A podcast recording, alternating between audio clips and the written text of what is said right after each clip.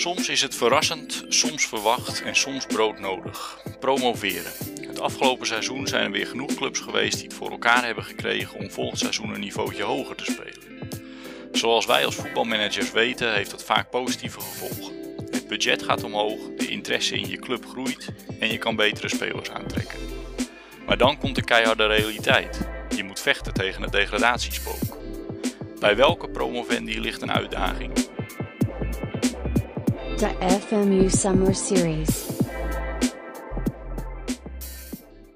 Hallo lieve luisteraars en welkom bij deze nieuwe aflevering in de Summer Series van de Football Managers United podcast. Mijn naam is Fabian en vandaag zijn Erik en Richard de nieuwe maatregelen en de stijgende besmettingen bij mijn afgelaste festival. Dankjewel. Ja, voor E- Erik is het misschien iets minder van belang. Volgens mij in België gaat het nog wel redelijk goed. Maar Ah, nee, dat is ongeveer hetzelfde. Oké, oh, nou, dan eh, zitten we allebei met de gebakken peren. Inderdaad. Eh, jongens, Summer Series. Nou ja, het concept eh, is ondertussen wel duidelijk, denk ik. We hebben al een aantal afleveringen gehad. Maar om het toch nog eventjes te zeggen. dit zijn afleveringen die we van tevoren opgenomen. Zijn iets korter dan normaal. Ongeveer een kwartiertje. Eh, waarin we een bepaald onderwerp behandelen. Vandaag zijn dat de meest opvallende promoties. Eh, wel omdat we deze aflevering eerder opnemen, is er de kans dat er sommige dingen al veranderd zijn bij de clubs. Bijvoorbeeld spelers die gehaald zijn, weggegaan zijn. Ja, dus een kleine disclaimer voor de luisteraars. eh, tegen de tijd dat je dit hoort, kan er misschien iets veranderd zijn. Dan gaan we beginnen, mannen. Wie, eh, wie wil spits afbijten? Wie heeft een mooie club om mee te starten? Nou, Erik mag beginnen van mij. Dan mag ik beginnen? Oké. Ehm, ja, dan ga ik eh, beginnen wel met een team dat, eh, dat toch ook al een keer eh, Club van de Week is geweest. En, en dat is Union. En dan spreken we zeker over de, over de Belgische Union. Dus Union, Union Saint-Gilloise. Dat is een moeilijke Franse naam. Ehm, en een club uit, uit het Brusselse. Zoals de vorige keer vermeld is het, is het een van de oudste clubs van België. Ze hebben stamnummer 10, dus dat betekent tiende club die opgericht is in België. En dat was in eh, 1897. En eh, ja, ze zijn nu eh, voor het eerst in eh, oh, ja, een goede 50 jaar zijn ze weer terug eh, op het hoogste niveau in België. Maar ehm, ja, vroeger eh, waren ze eigenlijk eh, de succesvolste club eh, van België, dus tot de Tweede Wereldoorlog.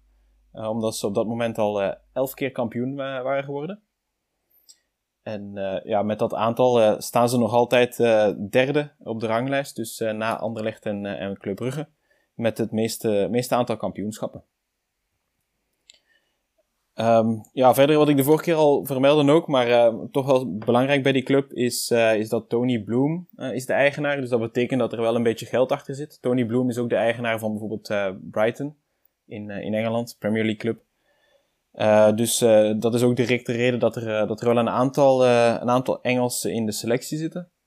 Ehm, maar de, de beste spelers eh, ja, zijn toch vooral eh, ja, de Bel- enkele Belgen ehm, met Dante van Zer. Een, eh, een Fransman die, die uitkomt voor Malta, zodat hij interlands kan spelen. Eh, Teddy Teuma. Heel goed. Inderdaad, ja, is, is een hele, hele speciale speler, zal ik zeggen. Ehm, technisch heel goed, maar, eh, maar in zijn hoofd eh, een beetje wisselvallig, zullen we zeggen. Staat hier ook dat hij aanvoerder is. Die is ook de aanvoerder, inderdaad. Ja, ja, ja, maar eh, zijn, eh, zijn agressiviteit eh, zul je ook zien in voetbalmanager dat hij dat die vrij hoog is. Maar wij hebben allemaal uitstekende managers als luisteraar. Die kunnen al dat soort spelers prima in toom houden, denk ik. Eh, De nodige discipline is, is Ja. wel nodig, ja. Ja, en misschien leuk om te vermelden, dat zie ik hier staan, zeker voor de Nederlanders eh, onder ons. Eh, Bart Nieuwkoop is eh, transfervrij eh, naar de club toegekomen, toch? Ja, klopt inderdaad. Dus eh, deze zomer, eh, dat, is een van, dat was de eerste nieuwe aanwinst eigenlijk eh, van het nieuwe seizoen. Ja, nee, eh, hartstikke leuke club om te benoemen, denk ik. Zeker dichtbij over de grens. Eh, wat ik hier ook nog zie staan, je hebt meteen een goede, goede wedstrijd voor de boeg. Want de eerste wedstrijd is Anderlecht uit. Ja, als ik me niet vergis, starten ze met Anderlecht en dan Standaard en dan Club Brugge. Dus dan, Ja, dan ja, weet je gelijk waar je staat. Ja. Je kan, je kan Dus, aan drie eh, wedstrijden kan je al meteen aan degradatie gaan denken. Ja, je moet inderdaad die jongens mentaal goed oppeppen. Want anders dan, eh, ben je na drie wedstrijden eh, is het al flink eh, naar beneden aan het gaan. Ja, inderdaad. Ik zie nog dat ze een IJslander onder contract hebben staan. Vind ik erg leuk. Ja, absoluut. Eh, een goede, goede linksbuiten trouwens. Uh, echt een dribbelaar. leuke speler. Aron Sigurdarsson. Ik zie het, ja. ja. Oké, nee, ik, ja, nee, Union zal ik maar zeggen, want ik ga niet de volledige naam uitspreken. Dan ja. struikel ik over mijn eigen woorden. Maar ik denk, nee, zeker een leuke ploeg. En met het idee wat erachter zit van de oudste ploeg van België en zo, kun je daar wel een mooie uitdaging in vinden, denk ik, in het spel. Richard, jij hebt vast ook een uh, mooie club voor ons uh, in de aanslag. Zeker, ik heb een heel lijstje met mooie clubs. ik heb er uh, twee bovenaan staan, die komen allebei uit Roemenië, allebei uit Boekarest zelfs, dus die zal ik een beetje tegelijkertijd behandelen. Namelijk allebei een, een soort nieuwe variant van de oude club, zomaar te zeggen. Want vroeger speelden ze beide op het hoogste niveau, maar door financiële problemen zijn ze, zijn ze weer teruggezet. En hebben sommigen een doorstart gemaakt. En de eerste is Steaua Boekarest. Iedereen kent hem wel. Niet te verwarren met FCSB, die nu op het hoogste niveau spelen. Dat is namelijk de club die niet recht heeft op de naam Steaua Boekarest. De, de, de naam Steaua Boekarest hoort namelijk bij het leger. En uh, dat was een heel, hele rechtszaak over welke, welke van de twee clubs nou recht had op de naam Steaua Boekarest. En welke, welke club ook recht had op de prijzen die ze onder die naam gewonnen hebben. Hele rechtszaken over geweest en uiteindelijk uh, heeft het huidige FCSB heeft dus de rechtszaak verloren en die mochten niet onder de naam Steaua Boekarest spelen. En het Steaua Boekarest wat er nu is, wel. En die zijn dus uh, dit jaar uh, gepromoveerd naar het tweede niveau. Dus ze zijn één promotie verwijderd van een strijd op het veld met FCSB. In plaats van in de rechtszaak. dus, dat, dus ik vond het wel een mooie, een mooie club om mee te beginnen. De tweede, dus, uh, het is ook een Roemeense club, ook uit Boekarest, was uh, Rapid Boekarest. Ook een, uh, ook een club die vroeger op het hoogste niveau speelde. Die zijn, en die zijn dit jaar gepromoveerd naar het hoogste niveau. Dus die zijn weer terug waar ze eigenlijk horen, vind ik. Absoluut, ja. Ja, twee clubs met een, met een mooie historie natuurlijk. Of ja, een bijzondere historie dan bij Steaua ja. vooral. Ja. ja, ik vond het vooral bijzonder inderdaad, ja. Zo'n rare soort strijd is dat, om, om de naam. Ja. Ja, het, is wel grappig inderdaad, want de, überhaupt de naam Steaua Boekarest is natuurlijk best wel bekend in Europa als het gaat om, om voetbal.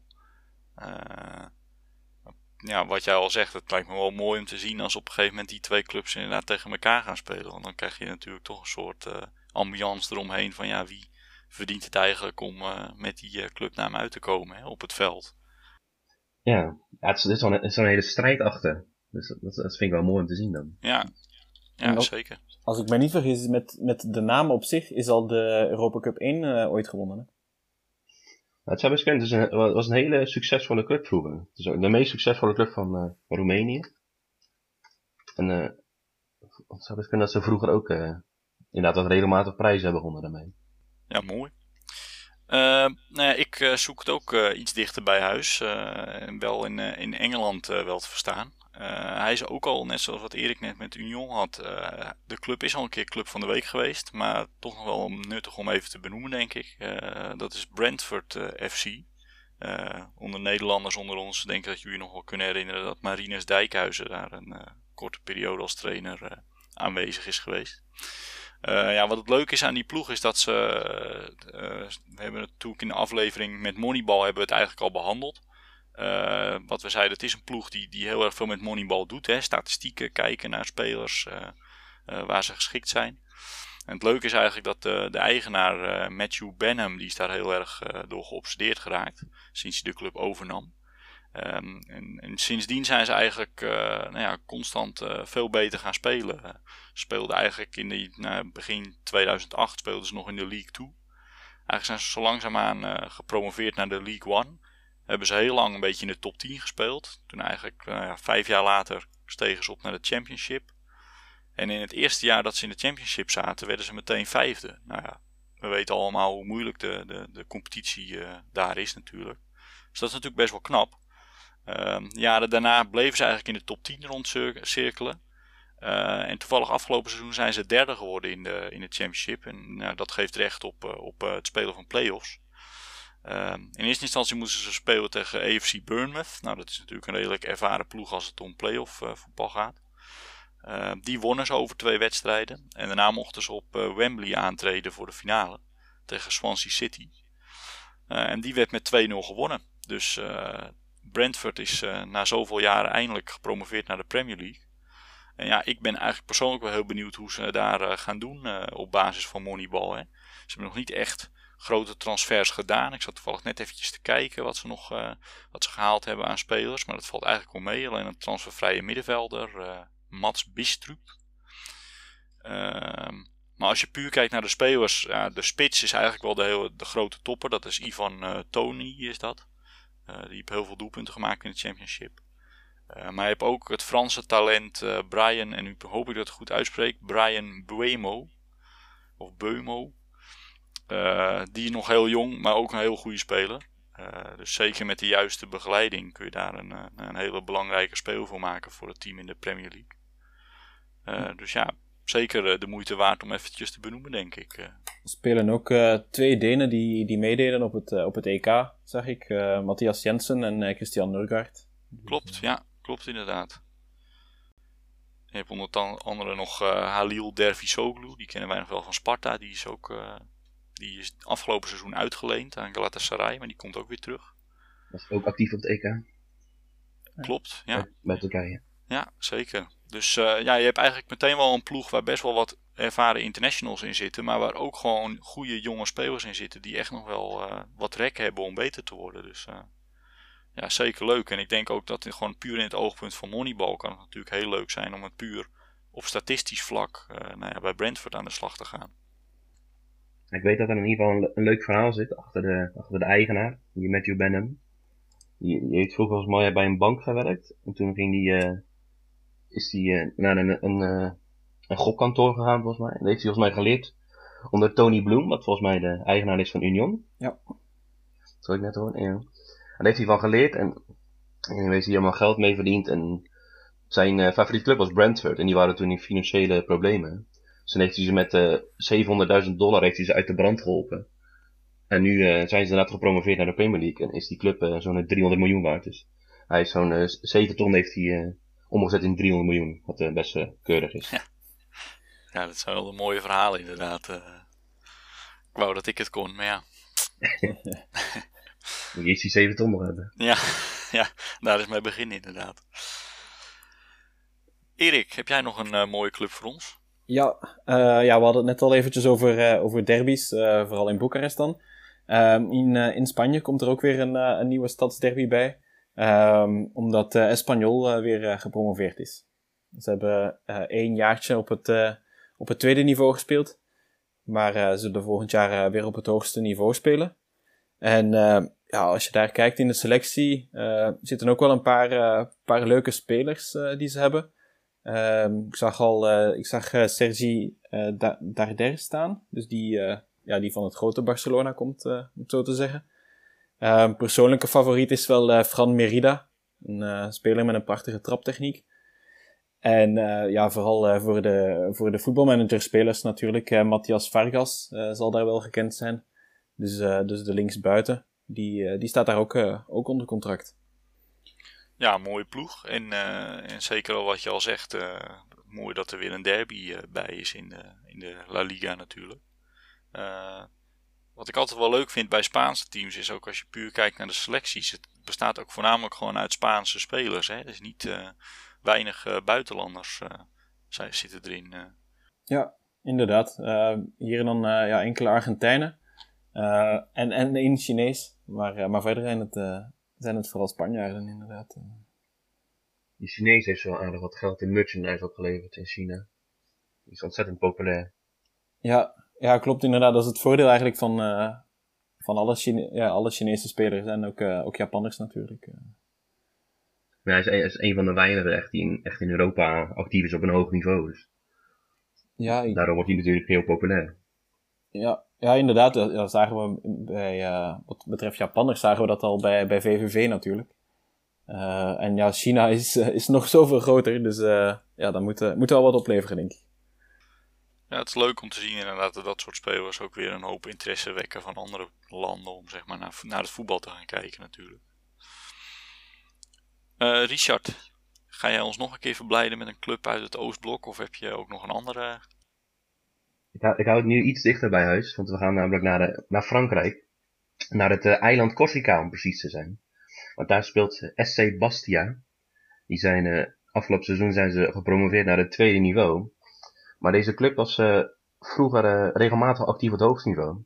En zelfs in Europa, want ze hebben één keer de Intertoto Cup gewonnen. En ze zijn een keer tweede geworden in de UEFA Cup. Dat is al lang geleden, maar... En die club is, eh, was door financiële problemen, was, werden ze ook teruggezet. Net als de twee Roemeense clubs waar ik het net over had. En nu zijn ze dus weer terug in de League 2. Maar als je kijkt naar wie er, er gespeeld heeft vroeger bij SC Bastia. Sebastian Schilacci, Michael Eschen, Roger Mille en Florian Tauvin hebben daar vroeger gespeeld. Dus dat zijn een paar leuke namen. Ja, dus dat zegt eigenlijk wel dat ze wel een behoorlijk goede jeugdopleiding hebben. Ik weet niet of ze allemaal uit de jeugd komen, maar ze hebben in ieder geval gespeeld. Oh, op die manier, ja. ja. Nou ja, dat zijn wel leuke ploegjes, denk ik, om inderdaad mee te kijken of je, of je verder kan komen ook in de competitie zelf. Hè? Eh, of je ja, door je selectie beter te ontwikkelen, zeg maar, eh, eigenlijk boven verwachting kan gaan presteren met zo'n ploeg. Ja, zo een, eh, een team van een eiland is ook altijd wel, eh, heeft ook altijd wel iets speciaals, vind ik. Dus eh, Ja, dat is ook wel ja. Dat, vond ik, dat, dat vond ik er zo leuk aan. maar- Dat is inderdaad mooi gevonden. Eh, nou ja, om, het, eh, om het verhaal af te sluiten maak ik dan nog maar een, eh, een sprongetje wel weer naar het oosten. En dan gaan we naar, eh, naar Rusland toe. Ehm, ja, een promovend die, daar, die ik daar wil benoemen is eh Nizhny Novgorod. Eh, ik kende de club verder niet, alleen het verhaal erachter is wel grappig. Ehm, zij hadden onder andere concurrentie van een andere ploeg in die op het tweede Russische niveau speelt. Dat is eh, FK Orenburg. Eh, die degradeerde een seizoen hiervoor, dus in 2020, eh degradeerden zij uit de Russische Eredivisie. Onder andere omdat ze in de laatste paar wedstrijden nou ja, slechte spelers op moesten stellen vanwege een hoop coronabesmetting in de selectie. Ehm, en vervolgens dit jaar moesten ze dus in het tweede niveau eh, gaan voetballen. Eh, en ze eindigden op de, op de tweede plaats. En dat heeft in principe recht op eh, promotie naar de Eredivisie. Alleen het probleem is, ze kregen geen licentie van de, van de Russische federatie om uit te komen op, die, op dat hoogste niveau. Omdat het stadion niet aan de capaciteits- en veiligheidseisen voldoet. Ehm, en het gevolg was is dat eigenlijk Nizhny Novgorod er als lachende derde vandoor ging met de promotieprijs. want die mogen dus wel uitkomen in, de- in de Russische Eredivisie volgend seizoen. Eh, in plaats van eh, Orenburg. Dus ja, dat is natuurlijk wel een bizar verhaal. Dat hoor je eigenlijk hier natuurlijk een stuk minder eh, in, eh, in Nederland en in België. Dat, dat ploegen zeg maar niet mogen promoveren. Los van de jong eh, teams die wij in de keukenkampioen-divisie hebben spelen. Maar ja, het is wel grappig om te zien hoe je eigenlijk eh, zonder eh, sportief, nou ja, uiteindelijk sportief natuurlijk wel de prestatie te leveren om derde te worden. Maar alsnog promotie afdwingt, terwijl, het eigenlijk, eh, terwijl je eigenlijk op dat moment er nog geen recht op had. Het is sowieso een rare, rare competitie, dat het tweede niveau in Rusland. Want ik weet dat de, van, vanuit de Premier League, de Russische Premier League, degradeerden de laatste twee rechtstreeks. En de twee daarboven spelen play-offs. Maar de nummer vier, die één plekje onder Nizhny Novgorod eindigde, Alania Vladivostok, die eh, kregen ook geen licentie, net als Nizhny Novgorod. En die mochten dus geen play-offs spelen, want ze hebben de hele play-offs gewoon geschrapt. Omdat die twee clubs geen licentie kregen. Dat is een beetje een rare, rare competitie daar. Ja, het is eh, dat je ook denkt van ja, vanwege capaciteits- en veiligheidseisen. Volgens mij al die stadions in, eh, in Rusland, dat zijn halve betonbakken. Behalve dan misschien bij Zenit en CSKA. Dus dan moet het wel heel je. slecht gesteld zijn met je stadion als je daar eh, niet doorheen komt door die check, zou ik zeggen. Maar ja, wel een bijzonder verhaal eh, uiteindelijk natuurlijk. Het is ook heel pijnlijk om op die manier dan niet te promoveren, vind ik. Ja, ze hebben nog overwogen om naar het kast te stappen, maar dan zijn ze uiteindelijk, eh zover zijn ze niet gekomen. Dus nou blijkbaar hebben ze er toch bij neergelegd dat het, dat het zo is. Ze gaan nu wel het stadion aanpassen, heb ik begrepen. Dus ze hebben het bestuur gevraagd om een stadionuitbreiding, denk ik. Oké mannen, nou we, zijn er al, eh, we zijn er alweer flink eh, doorheen eh, gegaan. Eh, bedankt voor jullie toevoeging met betrekking tot de promovendi die we vandaag genoemd hebben. Ik wil de luisteraars bedanken voor het luisteren. Jullie kunnen nog steeds vragen insturen via Twitter, Facebook, ook naar het forum. Of eventueel mailen naar podcast.manunited.nl. Ook als je suggesties hebt voor andere onderwerpen. Ehm, vergeet je vooral niet te abonneren op onze podcast. Dan word je gewaarschuwd als we weer een nieuwe aflevering droppen. En dan zijn we volgende week weer terug met een nieuwe Summer Serie. Tot dan.